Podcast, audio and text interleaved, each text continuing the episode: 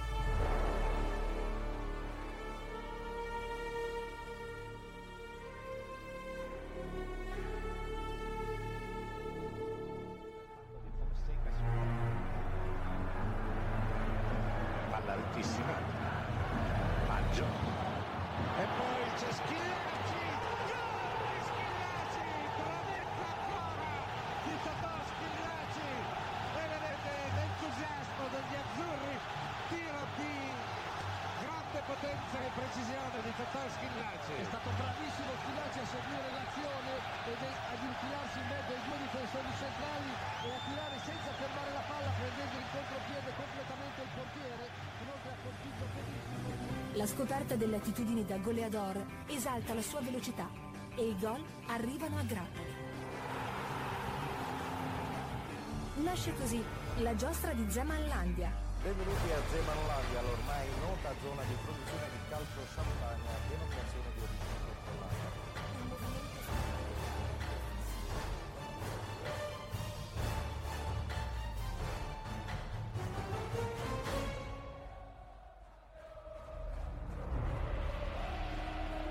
Aldrig i fotbollens historia har en tränare som vunnit så lite blivit mer beundrad och mytologiserad än personen vi ska prata om idag.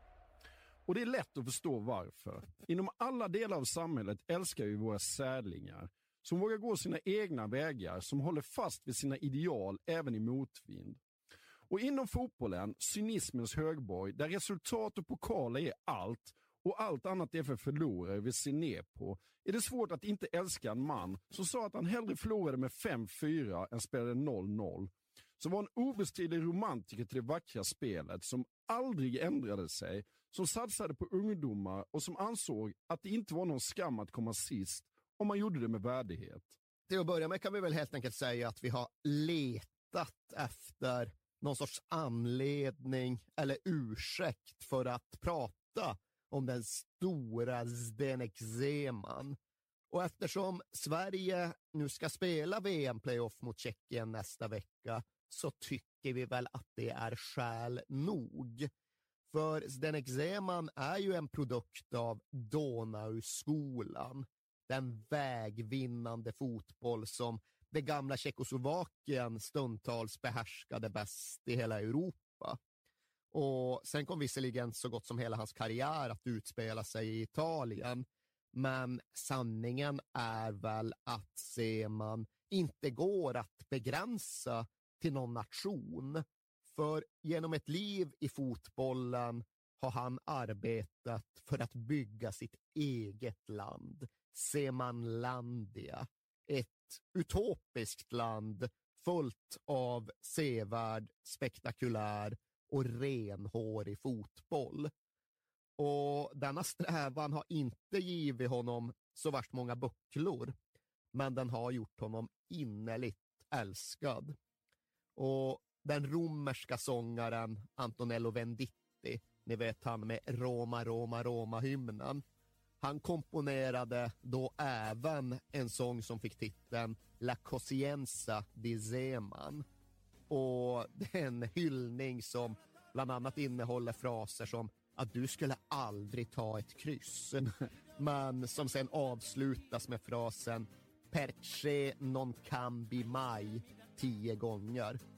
Eftersom att du aldrig ändras. Eftersom du aldrig förändrar dig.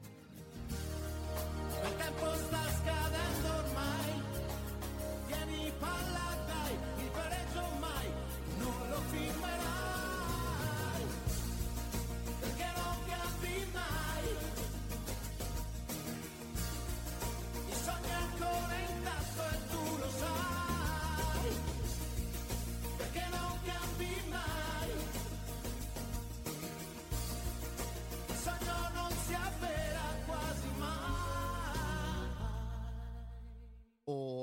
är inte bara besjungen. Det finns ju noveller och essäer skrivna om honom av intellektuella romare som Fofi och Canzogni. Det är inte bara hans ridderliga fotbollsideal som har lett till detta, utan det är ju även Zdenek Zemans perfekta persona. Zdenek Zeman, ZZ, en bohem från Böhmen, bokstavligt talat. Han kom från Böhmen, från den del av dagens Tjeckien där bohembegreppet från första början härstammar ifrån. Och bohem, ja, ifall man tittar i någon form av ordbok eller något Eh, begreppsförklarande lexikon så definieras en bohem som en person som lever ett icke-traditionellt marginaliserat liv, som exempelvis fattig konstnär, associerad med oortodoxa och samhällskritiska åsikter. Och där har vi Zdenek Zeman, fotbollstränaren, mannen, myten Zdenek Zeman. Ja, för nästa anhalt tränarkarriären blir Messina. Mm, som ju också är en siciliansk klubb och på så sätt en miljö som Zeman kände till väl. Han kände staden, han kände klubben, han kände de flesta spelarna efter alla år från den sicilianska ungdomsfotbollen och från säsongerna med Licata. Och han hämtade några spelare från Licata, bland annat en grabb som hade en kusin i Messina, en grabb som hette Maurizio Schilacci, vars kusin då hette Salvatore Schilacci och som spelade på topp för Messina. Och Salvatore Schilacci var alltjämt en väldigt ordinär Serie B-anfallare. 25 år gammal, så tycktes det i många ögon var någon sorts gräns för hans kapacitet. Det var vad han skulle bli, en Ja. okej Serie B-anfallare. Men så kom då Seman med sina principer och sin fotboll och sitt sätt att skapa chanser för sina strikers. Och när Salvatore Schilacci fick chanser och direktiv och instruktioner, ja då började han göra mål. Han gjorde prick hälften av alla Messinas mål. Han gjorde 23 av 46 den här säsongen. Och det innebar att när den var färdigspelad så blev han värvad från Messina i Serie B till Juventus, högst upp i toppen av Serie A. Och det var då en värvning som Zdenek Zeman ja, överhuvudtaget hade möjliggjort, men som sen morbror Česmir Vispalek aktiverade och som skulle komma att gynna hela fotbollsitalien. För det gick bara ett år från det att Seman coachade Salvatore Schilacci i Messina till det att han blev hela fotbollsnationens hjälte. Han var sensationell. Då han vann skytteligan i hemma-VM 1990. E poi c'è Schilacci, grande Schilacci, trovetta ancora di Totò Schilacci e vedete l'entusiasmo degli azzurri, tiro di grande potenza e Totò Schilacci. È stato bravissimo Schilacci a seguire l'azione ed è- ad infilarsi in mezzo ai due difensori centrali e a tirare senza fermare la palla prendendo in contropiede completamente il portiere. Men ja, runt detta finns det också en grej till som jag vill poängtera. Jag sa då att Schilacci gjorde 23 av Messinas 46 mål. Och det är ju obestridligen en jättehög andel. Men då kan man tycka att okej, Messina under Zeman, de gjorde bara 46 mål på en 38 matchers säsong. Ja. Det låter ju jäkligt skralt. Nej, nej, alltså ni ska veta, det är klart flest i serien. Ja. För den italienska fotbollen här i slutet av 1980-talet, ja den var så målsnål och så defensiv att jag har svårt att överhuvudtaget tänka mig någon motsvarighet. Alltså målsnittet i Serie B den här säsongen, det var 1,67 per match. Ja. Det absolut vanligaste resultatet var antingen 1-1 eller 1-0 till hemmalaget. Och en vanlig säsong i en europeisk liga nu för tiden, då ligger målsnittet runt 3,0. Ja. Det kan vara 2,87 ibland och det kan vara 3,08 en annan säsong. Men 1,67 per match här 1989. Det är också viktigt att verkligen ta in för att förstå hur mycket Zdenek Zeman stack ut. Det var inte så att det fanns liksom några defensiva tränare och några anfallsglada tränare i den italienska fotbollen på den här tiden, utan det fanns defensiva tränare och så fanns det Zdenek Zeman.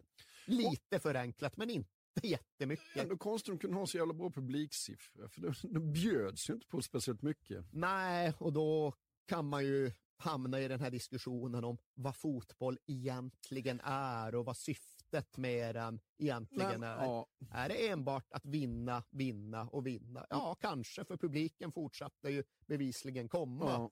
Men Zdenek Zeman, han hävdade ju att nej, det kan inte vara så primitivt. Det måste finnas ett skådespel och ett spektakel. Och gör inte det så kommer folket förr eller senare att tröttna. Ja. Men efter den här säsongen med Messina så kallar Foggia igen. Då kallar Foggia igen och detta är då sommaren 1989. Och det är här som Zemanlandia verkligen börjar byggas på riktigt. För här föds Foggia dei Miracolo, Ja. miraklets Foggia. Och ja, det här är en era som det också har skrivits sånger om och som det har gjorts filmer om. Och det är inte minst för att här finns ett tacksamt persongalleri. Här finns sportchefen Beppe Pavone som är en mirakeljobbare i sig. Och här finns ägaren och klubbpresidenten. Vetekungen. Vetekungen Don Pasquale Casillo. Ja. Alltså Il Re de Grano eller Il Berlusconi del Sud. En napolitanare som svarar upp på, mot dina krav på en klubbpamp. Ja. Och så finns då Zdenek Zeman som tar huvudrollen med en karaktär som blir allt mer utmejslad och definierad som någon typ av motståndssymbol inom den italienska fotbollen. Och det är inte bara beroende på hans taktiska idéer eller hans sätt att jaga mål, utan det går ju också att knyta till hur han ser ut och hur han för sig och hur han pratar. Ifall du har hört den Zeman ge intervjuer så lägger du, du glömmer inte bort det, du lägger märke till det. För han har den här långsamma, rökiga rösten som pratar staccato på bruten italienska. Och rösten är ju rökig av en anledning, en konsekvens av att han permanent omgav sig med ett moln av cigarettrök. Jag läste ett reportage där reportern skrev att var sjätte minut så tänder ser man en ny cigarett. Ja, han ska snitta på ungefär tre pack om dagen på den här tiden. Och det hette att eh, det inte bara är Vatikanen som släpper ut vit rök, utan även Zdenek Zeman går runt i ett moln av fumata bianca, av vit rök, precis hela tiden. Ja. Och så höll han ju alltid sina cigaretter mellan pekfingret och långfingret på det här nästan dandyartade sättet.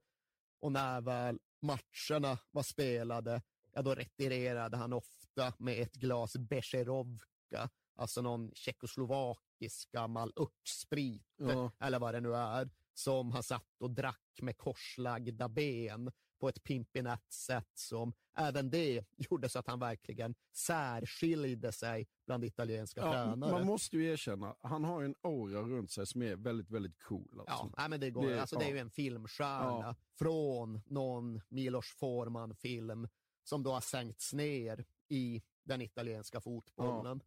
Men det är ju långt ifrån enbart myt, utan här finns verkligen substans och metod också. Och sen är det ju för sig substans och metod som är väldigt lätt att knyta ihop med myten. För när nu Foggia dei Miracolo skulle börja ta form så sker det på ett väldigt filmiskt tacksamt sätt. Det är extrem försäsongsträning, extrem fysträning. Det är liksom Rocky Balboa-aktig träning i stora stycken. Framförallt är det tydligen varje tisdag som då vigs åt Seman Fys. Och han har ju sin ja, men, universitetsexamen i idrottsmedicin och fysiologi och allt vad han nu har lärt sig. Men omsatt i praktik så är det lättare att tänka på någon typ av östeuropeiska kasernbyggnader än på klassrum för bootcamp-aktig ja. fysträning. Liksom, spelarna får springa upp och ner för läktartrapporna på hemmaarenan Pino Zaccheria ja, men en hel eftermiddag. Ja. Fem timmar åt gången. Och därtill så håller Zeman på att liksom lägga tyngder på dem. Sandsäckar eller till och med bildäck på axlarna för att eh, belastningen ska bli tyngre. Och är det inte läktartrapporna, då är det hans så kallade skogspromenad. Och den skulle följa med honom genom hela hans träningsliv. När det var dags för skogspromenaden på försäsongen, då visste alla att okej, okay, det är tio gånger tusen meter och varje tusen meters lopp ska då genomföras på max fyra minuter. Och det tionde och sista kilometerloppet, ja det ska då springas på fullt varv och det är det där sista tusenmetersloppet i slutet av skogspromenaden som Seman menar verkligen ger dig en bild av en spelares karaktär. Stappla grabben då i mål på 3.58, ah, då finns det frågetecken över honom. Men lyckas han hitta kraft och skalle nog för att skena in på 2.59, ja men då, då kan det finnas ja. någonting att bygga vidare på här. Den där övningen stärkte lungor må hända, men gav framförallt då Zeman den sortens karaktärskvitto som han tyckte att han kunde använda sig av. Ja. Vad hade han för lag här då? Ja, men han såg till att än en gång liksom hämta in unga, formbara, handplockade spelare. Och han hade dels ett jävla öga för potential, men sen då även en sällsam förmåga att förverkliga den. Det hade märkts med Salvatore Schilacci året före och det skulle nu bli väldigt tydligt flera gånger om i Foggia. Och det första och kanske bästa exemplet på detta, det var då att Zeman bad Beppe Pavoni om att värva in en liten mittfältare från De Piacenza som hade åkt ur serie B och folk förstod inte riktigt vad Zeman skulle med den där småvuxna knatten till. Men han stod på sig och det var en ganska enkel värvning att genomföra för det var ingen dragkamp här. Men när killen sen anslöt till Fodjas sommarläger så välkomnade Zeman honom med orden Benvenuto Bomber. Ja. Det här ska bli en bomber. Det här är ingen mittfältare eller speluppläggare. Det har ju sett i dig att du är en målskytt. Och Giuseppe Signori ryckte väl på axlarna och konstaterade faktum och tänkte att han fick ta det som det kom. Och sen gick han omedelbart in och blev trea i Serie Bs skytteliga.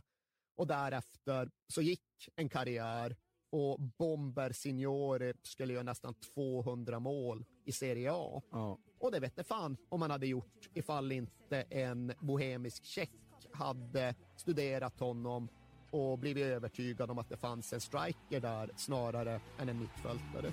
Bravo tecnicamente, ma gracilino fisicamente, Zeman lo trasforma nel ruolo, spostandolo in avanti. Con il mister si lavora, si gioca, si fa tutto per divertirsi e per divertire. La scoperta delle attitudini da goleador esalta la sua velocità e i gol arrivano a grappoli. Nasce così la giostra di Zemanlandia, Benvenuti a Zemanlandia, l'ormai nota zona di produzione di calcio champagne a denominazione di origine controllata. un movimento frenetico del tridente offensivo composto da Rambaudi a destra, Baiano al centro e Signori a sinistra. Han Casillo har ju faktiskt uttalat sig om det här i efterhand. Att eh, ser man ber honom, eh, ja, värva han eh, Signori. Och sen, nej, han är för dyr. Varpå ser man säger, ja men du får bara sälja en vetekvarn. Det, det hade jag inte hört, Jo. men eh, de hade ju ett fruktbart samarbete. De kunde prata med varandra på ett sätt som båda begrep. Och just relationen de två emellan skulle bli bandet som hela Foggias framgång spanns runt. Och hade inte det bandet funnits egentligen redan från första dagen, då hade det inte blivit någonting. För Semans Foggia inleder inget vidare. Och egentligen var det ju inget konstigt med det, för det finns ju tusentals exempel genom fotbollshistorien på hur det kan ta ett tag för de här idédrivna tränarna att hitta rätt. De som liksom ska ändra på mycket och införa ett helt nytt spelsätt och ställa helt andra krav på sina spelare, ja, de riskerar att få dåliga resultat i början. Och då gäller det att ha en klubbägare, en president, en vetekung som ändå begriper att här gäller det att ha is i magen och lite tålamod. Men Zeman hade kunnat ryka den här första hösten, precis som han rök från Parma två år tidigare. För ja, de förlorade ett derby mot Barletta. Efter den matchen så väntade ju Ultras utanför arenan som kastade sten mot både spelare och ledare. Och det här är också en sån där filmisk scen som är en stor del av Zeman-legenden. Där liksom alla andra bara rusar därifrån och försöker sätta sig i skydd. Så liksom spankulerar Zeman med en cigg i munnen genom det här stenregnet och verkar helt oberörd. Ja. Och släntrar sen fram till dessa ultras och liksom, bara, läget då grabbar. Trist det här, men vad fan, vi tror på processen. Ja. Eller vad han nu säger, som får stenarna att sluta flyga den där dagen och som får vetekungen att förbli övertygad några månader till. Men när 1989 ska ta slut så är ändå läget alltjämt kritiskt. Det går inget bra för Foggia och tabellen ser inget vidare ut och årets sista match ska spelas mot Monza borta. Och det som sägs är att president Casillo ändå har fått lov att acceptera att blir det torsk här så får du lov att utlösa katapultstolen. Men Casillo, han har varit borta i Ryssland på någon sorts jävla vetekonvent. Ja. Så han är inte på plats när matchen börjar, utan han hinner fram först i paus och kan då konstatera att nej, det är underläge nu också.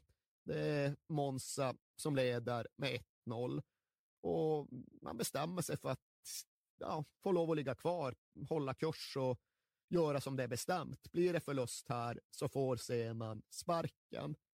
Men det blir inte förlust för Beppe Signori gör 1-1 i andra halvlek och då tycker Casillo att han ändå kan kosta på sig att ligga kvar med Seman. För han gillar ju grabbhalvan och han vet ju vart han kommer ifrån, hur hans liv har sett ut och att det har varit tufft på många sätt och han känner för det. Och den där relationen mellan ägare och tränare, ja, den innebar nog till att börja med att Seman fick lite extra tid i ett läge där han förmodligen annars hade fått sparken. Men den relationen skulle bli ännu mycket starkare bara några veckor senare. För som sagt, han hade sina veteaffärer och han var på resa mycket i de delar av Europa som inte så värst många andra kom till i slutet av 1980-talet. Han var i gamla Sovjetunionen som sagt och han var i Moskva och Han besökte nationer som handlade med vete och han kunde konstatera att kontinenten var i förändring. Han var i kontakt med tidiga sovjetiska entreprenörer och hade väl mer eller mindre första parkett då Berlinmuren föll.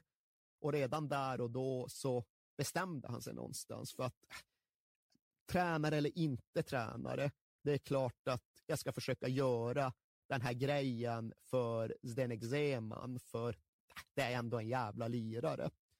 Och det innebar att när Fodja Foggia hade spelat uppe i Pisa i januari 1990, då lät han meddela att ja, men, fan, ta med dig familjen upp på match den här gången. Ta med frun, ta med barnen och liksom packa en väska som räcker för lite längre vistelse än bara en övernattning.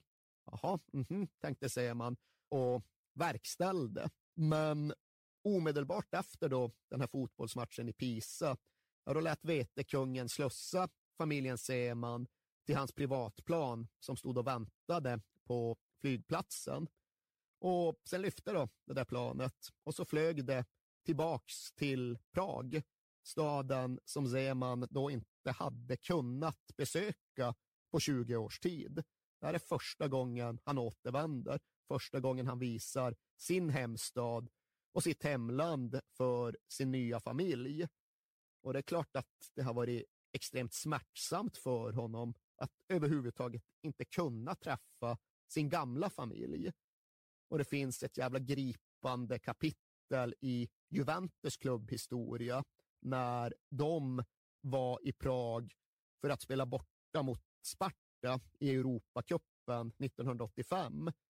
Då är det klubblegendaren Giampiero Boniperti som knallar runt i Prag och ser sig omkring på matchdagen och han slås av hur grått och hur dystert och hur kuvat allt verkar då plötsligt en kvinna bara drar tag i hans rock och får hans uppmärksamhet och säger att var nu snäll att hälsa Chesto från mig, för jag är hans syster.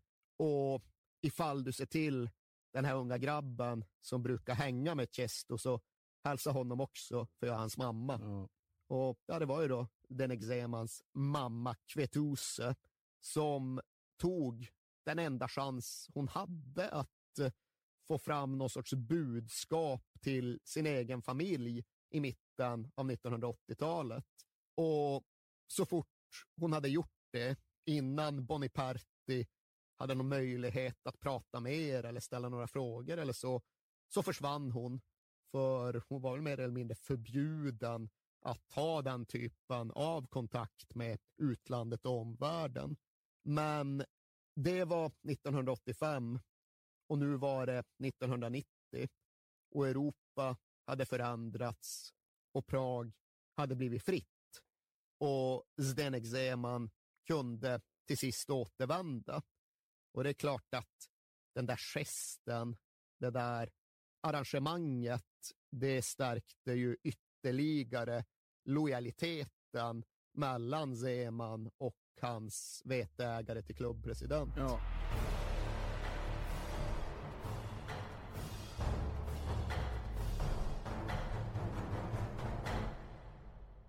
Jag vill inleda med att säga att det är garanterad jackpot på 13 miljoner på Stryktipset. Och fy fasen. Ja, visst.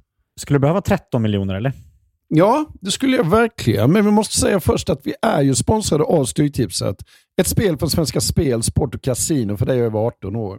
Yes, och stödlinjen.se finns där för dig om du har problem med ditt spelande. Nej, men 13 miljoner ja. jackpot på Stryktipset, det är ju inte fel. Nej, då är det faktiskt dags att ladda en rejäl rad här känns det mm -hmm. som. Vet du vad som inte heller är fel?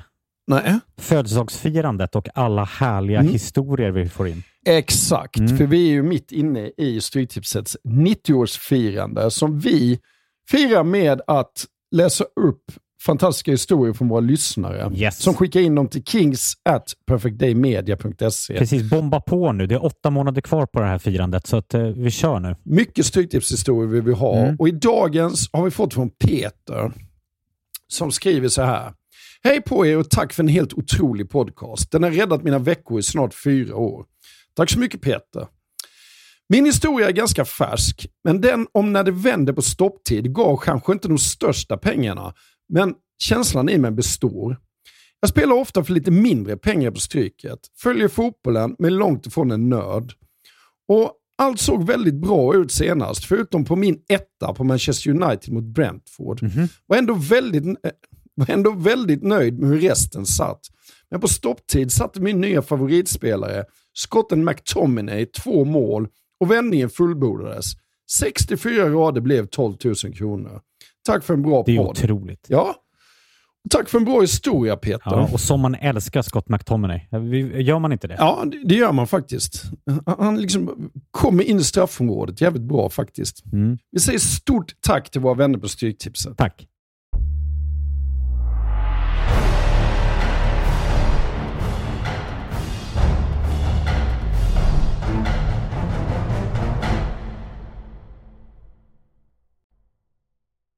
Han kom tillbaka från Prag så är det en lycklig Seman som kör igång Fodja igen va? Alltså det är en slutsats som ändå ligger nära till hans att dra, att något tycks ha hänt med honom och hans förmåga att inspirera i samband med den här återkomsten, det här ihopknytandet av det egna livet.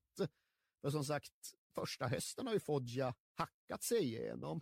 Verkar inte vara mycket Zemanlandia där inte. Men så kommer han tillbaks från Prag och så vinner de sju och spelar tre kryss på de tio efterföljande matcherna. Och de går från en nedflyttningsstrid till en fin åttonde plats i tabellen. Och det är bra, men det kanske inte är något man skriver ballader om. Nej. Så ni förstår ju att det blir en uppväxling under den andra säsongen. Och det går definitivt delvis att knyta till att se man hittar ännu en liten kortvuxen anfallsbegåvning att lägga till Beppe Signori. Francesco Ciccio Baiano är nästan exakt jämngammal med Signori och de kommer tillsammans med Tridentens tredje länk Roberto Rambo Rambaudi att bilda ett av de mest potenta anfall som Serie B överhuvudtaget har skådat. Med den här liksom anfallslinan färdigbyggd så går Zemans Foggia ut och slår Cosenza med 5-0 i den första ligamatchen och slutar egentligen aldrig att göra mål därefter. Den här anfallstrion, bara de tre gör 48 mål Ja. totalt. Och som sagt, Serie B, det är en knusslig liga där du får kämpa för dina mål. Men Zdenek Zeman leder sitt lag och sina anfallare fram till dem. Till sist så slår de Triestina med 5-1 den 19 maj 1991 och Ciccio Baiano gör hattrick och Foggia går upp i Serie A igen efter 13 års frånvaro. Och naturligtvis så gör de flest mål i Serie B. De är 67 stycken. Och som jämförelseobjekt här kan vi ta Cremonese som också går upp. De kommer på tredje plats. Ja. Vet du hur många mål de gör? De gör väl 25 mål färre va? Ja, i stort sett. Ja, ännu mer. De gör 28 mål Ja. och går ändå upp. Och det är alltså på 38 matcher Ja. och går ändå upp. Och ja, skillnaden på dem och på Zemans Foggia, den är natt och dagig. Det är den verkligen. Ja. Non c'era continuità nella squadra, poi logicamente uno vince 4-1 e è contento, però direi che Bari non meritava. La spiegazione del paradosso sta nel ciccio gol, all'anagrafe Francesco Baiano, capocannoniere lo scorso anno in Serie B e per questo premiato con il trofeo Erg Sportman qualche minuto prima del derby che lo avrebbe incoronato capocannoniere anche in Serie A, a braccetto con Vialli. La differenza l'ha fatta lui, vanificando l'ottima prestazione di un Bari che Zibi Boniek ha finalmente trasformato in squadra vera, ma al contrario del Foggia, niente affatto concreta in zona gol. Och hur tar de sig an Serie A? Ja, alltså först kan vi prata lite om deras rekrytering.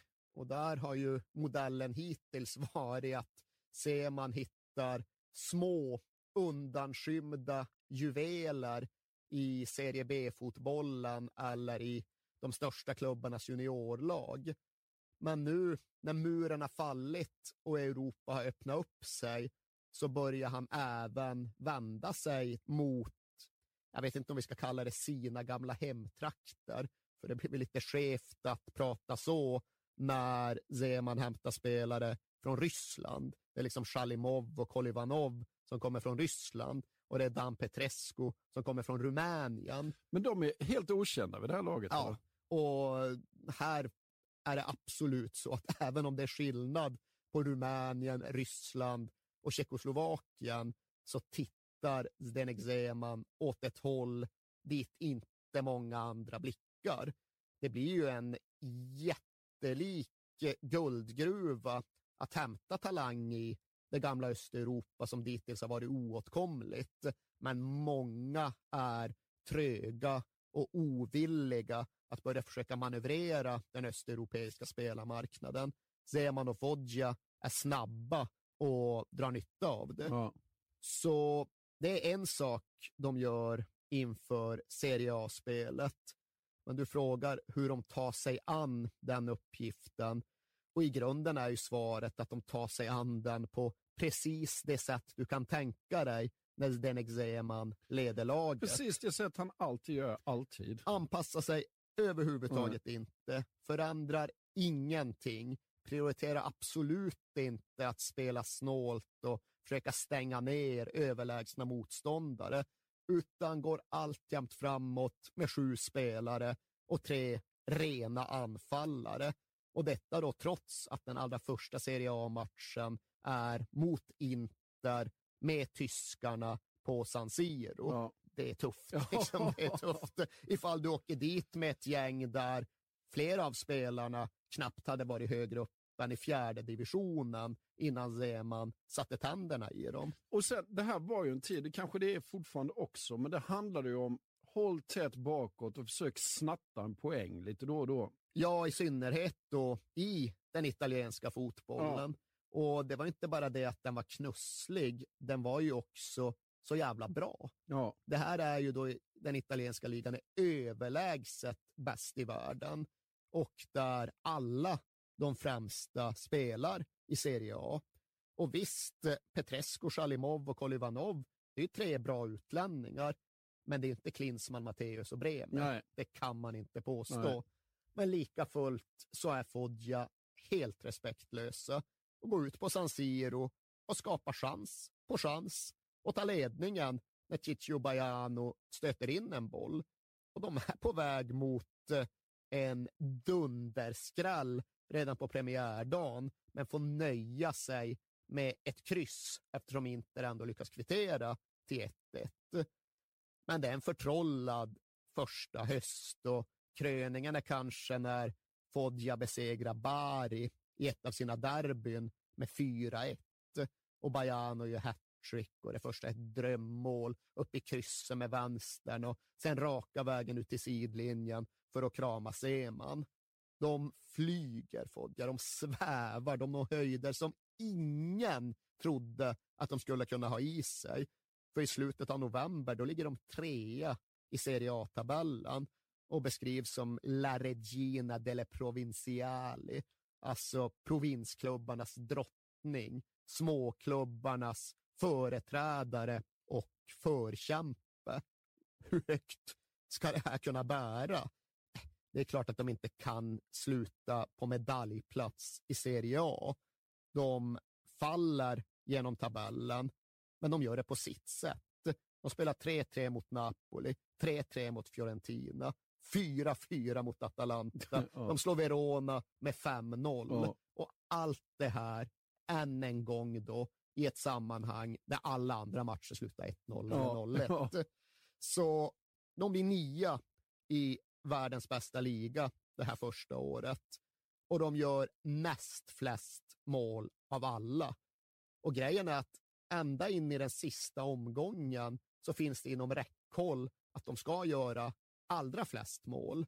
Jag ska inte säga att Seman tävlar för att nå dit, men då är han medveten om de förutsättningarna när de redan krönta mästarna från Milan kommer till byn den sista speldagen. Rätt märklig match. Ja, men det är just det att, okej, okay, ifall Foggia skulle vinna, ja, det vore ju otroligt. Det skulle innebära tre poäng, en marginellt högre slutplacering.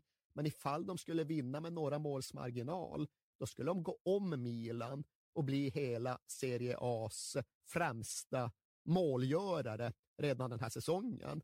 Och nej, det delas inte ut några bucklor för det, men det är ändå något som Zdenek Zeman sätter pris på. Och det innebär väl att ett alltid anfallsglatt och öppet Foggia blir ännu mer anfallsglatt och öppet. Och det tycks ge resultat, för de tar ledningen mot Milan. De har 2-1 i paus. Ja. Om de bara kan mullra på ytterligare några mål, ja då går de om mästarna i kolumnen för gjorda mål. Men här slår det väl över lite grann. Lite grann, ja. Det är inte direkt ett balanserat Foggia som går ut för att spela säsongens sista halvlek.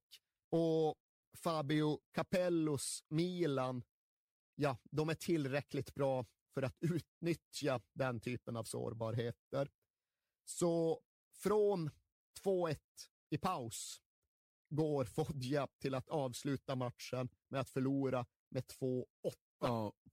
Och det var väl inte kanon. Nej. Men det är sånt som man får ta ifall man har Zdenek Zeman på bänken. Ja. Och du hittar ju ingen i eller runt Foggia som skulle säga att det inte var värt det i slutet av den här episka första säsongen i Serie A. Ancora lui poi Ciccio Gol pronto a incunearsi Sornione in una difesa assente ingiustificata. A guardare Capello si intuisce quel che rimbomberà di lì a poco nello spogliatoio milanista. A guardare il Milan del secondo tempo si capisce perché è campione d'Italia. Il Foggia sparisce dal campo non appena Gullit scaraventa in rete il pallone del 2 a 2. Nei 40 minuti che restano la macchina milanista romba altre sei volte, infierendo implacabile su chi evidentemente ha osato troppo. Och någonstans börjar det kanske hända saker med hela den italienska fotbollen här. För alldeles oavsett om du ser Zdenek Zeman som den stora befriaren eller ej, så är det ändå en svag men tydlig skiftning i hur lagen balanserar sig och resonerar och prioriterar. De är så smått på väg upp ur sina skyttegravar, vilket inte minst åskådliggörs av att även ett Fabio Capello-lag kan göra åtta mål ja. på sin dag. Målsnittet i Serie A den här säsongen, det stannar vid hisnande höga 2,27. Ja. Och nej, det är inte jättehögt med dagens mått mätt, men det var klart högre än vad italienarna hade sett under många säsonger dessförinnan. Men till sommaren här så slås ju laget sönder. Ja, hela den här magnifika anfallstrion blir uppköpta av större vargar. Signori går till Lazio, Baiano går till Fiorentina och Rambaudi hamnar i Atalanta. Och de är inte ensamma. Det är fem andra ja, men startspelare som också flyttar. Så laget slås verkligen sönder. Och när ett nytt Foggia ska byggas så träffar väl Zeman och Beppe Pavoni rätt ibland och fel vid andra tillfällen. De plockar in en ung Gigi Di Biagio som ledarfigur och det blir verkligen en fullträff. Ja. Han utvecklar sig till en fantastisk fotbollsman. Men när de inte enbart plockar i Östeuropa så blir träffbilden på de utländska spetsspelarna sämre. Brian Roy kom ju från Ajax, så det ja. var en jättegrej. Oj, tänk att Fodja kan värva Brian Roy. Ja. Men det blev ju mer vatten än vin. Och därtill hämtade de till exempel Hernan Medford, Sverigedödaren ja. Hernan Medford, som hade stampat i, var det Zaragoza kanske, någon av de spanska klubbarna, men fick egentligen inget uträttat i Foggia. Och det är klart att det smärtade att se det här mirakellaget brytas sönder och falla isär. Och Fodjas Ultras var ju jättebesvikna på den här utvecklingen. Och har du jättebesvikna Ultras, ja då får du ju räkna med fysiska protester. Ja. Så det var något tillfälle den här hösten då de stormade, de bröt sig in på hemmaarenan och eh, slog sönder den. Liksom slog sönder målen och konka iväg på målnäten och vandaliserade gräsplanen. Men mitt uppe i allt det där var det som att de kom på sig själva. För de liksom klottrade ju både här och Casilo, Vatene, alltså dra åt helvete Ja. Men så just kom de på sig själv, ah, just bort till bänken, hemmabänken. Och där sprayade de på plexiglaset. Eh, skosa säger man. Ja, Så liksom, ja, underbart. Be om ursäkt till dig säger man. Vi fattar att det här är inte ditt fel på något sätt. Vi måste ändå visa vårt missnöje, men ja, vi ber om ursäkt. Vi förstår att det här säkert påverkar dig också. Och Zeman, alltså, han är väl lite bakbunden den här säsongen, men kanske är det den närmaste vi kommer en Zeman som anpassar sig och är lite pragmatisk. För siffrorna från den här säsongen sticker ju ut extremt un, ja, sett i hela hans karriär. Fodja, de klarar sig precis kvar. De säkrar kontraktet med två poäng till godo. Och det som är så anmärkningsvärt att jag verkligen har behövt både dubbel och trippelkollare, det är då att hans lag gör näst minst mål i Serie A. Ja. Det är bara ett annat lag som gör färre mål.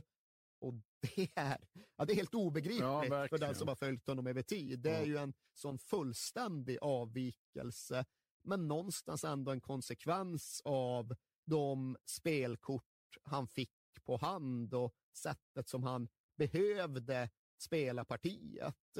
Och anklagelsen eller hedersbetygelsen riktad mot Zeman, det är ju att han var oförmögen till att anpassa sig och vara lite praktisk och lite rationell. Ja. Men det här är då avstickarsäsongen. Jaha. Det här är den som kan anföras som någon typ av motbevis. Och den är även ett litet sportsligt mirakel. För som sagt, alla Fodjas bästa spelare försvann. Mer än halva startelvan försvann. Och de var redan tidigare en gigantisk underdog. Och nu klarar de sig ändå kvar i världens bästa liga, trots att de i praktiken behövde bygga från noll.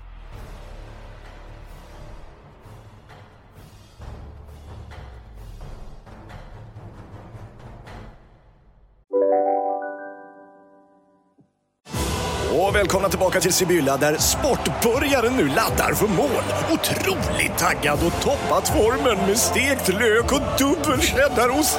Det här blir en riktigt god match! Sportbörjare, ett original i godaste laget. Från Sibylla. Just nu till alla hemmafixare som gillar Julas låga priser.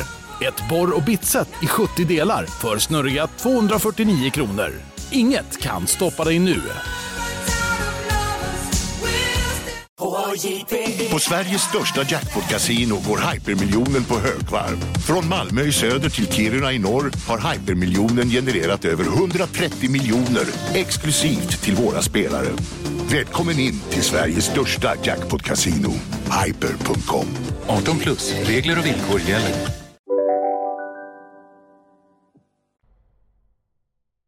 Hans sista säsong i Foggia då?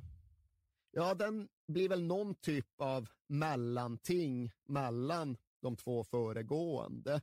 Det är ett mycket mer offensivt Foggia igen och det är ett mycket mer framgångsrikt Foggia igen nu när de nya spelarna har fått ett år på sig att lära in Zemans grejer. Och det är inte riktigt lika spektakulärt som det var med Signori och Bajano och Rambaudi, men det är bra. Det är oproportionerligt bra. Det är Foggia dei Miracolo, alltså mirakelgänget som än en gång trotsar alla odds och förhandstips och faktiskt snuddar vid Europaspel när säsongen väl ska stängas ner. Och det vore ju kröningen. För ingen människa kan komma och börja prata om hur Foggia minsann behöver vinna titlar för att det här äventyret ska ha varit värt någonting. Det är ett under att de är uppe på övre halvan i Serie A. Men ifall de besegrar Napoli hemma på säsongens sista dag, ja då får de förmodligen även spela Uefa-cupen och det är bortom alla deras drömmar. Men tyvärr så blir det inte så. För matchen står 0-0 och den står och väger då hemmamålvakten gör ett jättegrovt och ganska obegripligt misstag. En boll som rinner ner mot deras straffområde. Det är kommunikation mellan målvakten och en back. Vem ska ta den? Målvakten ska vänta så att han inte tar den utanför straffområdet. Och I den där tvekan och obeslutsamheten, ja, då dyker Paolo Di Canio plötsligt upp och bara Ja. nappar åt sig bollen och slår in den i tom bur. Och Napoli tar Europaplatsen istället. Och det är trist att Semans Foggia inte får det där slutgiltiga kvittot. Men det är ju inte så att förlusten innebär att glansen runt dessa mirakelår på något sätt falnar. Eller att Semans växande rykte på något sätt får sig en törn. För krasst uttryckt kvittar det för Semans karriär om Foggia går till Europa eller inte. För han är redan klart med nästa klubbadress. När Foggia sopade undan Lazio med 4-1 tidigare den här säsongen, ja då bestämde sig Lazio-presidenten Cragnotti. Honom ska vi ha. Han ska leda oss upp mot Serie A-toppen. Gå med mig Bakom skuggor ser du solen. Och när du tvivlar ser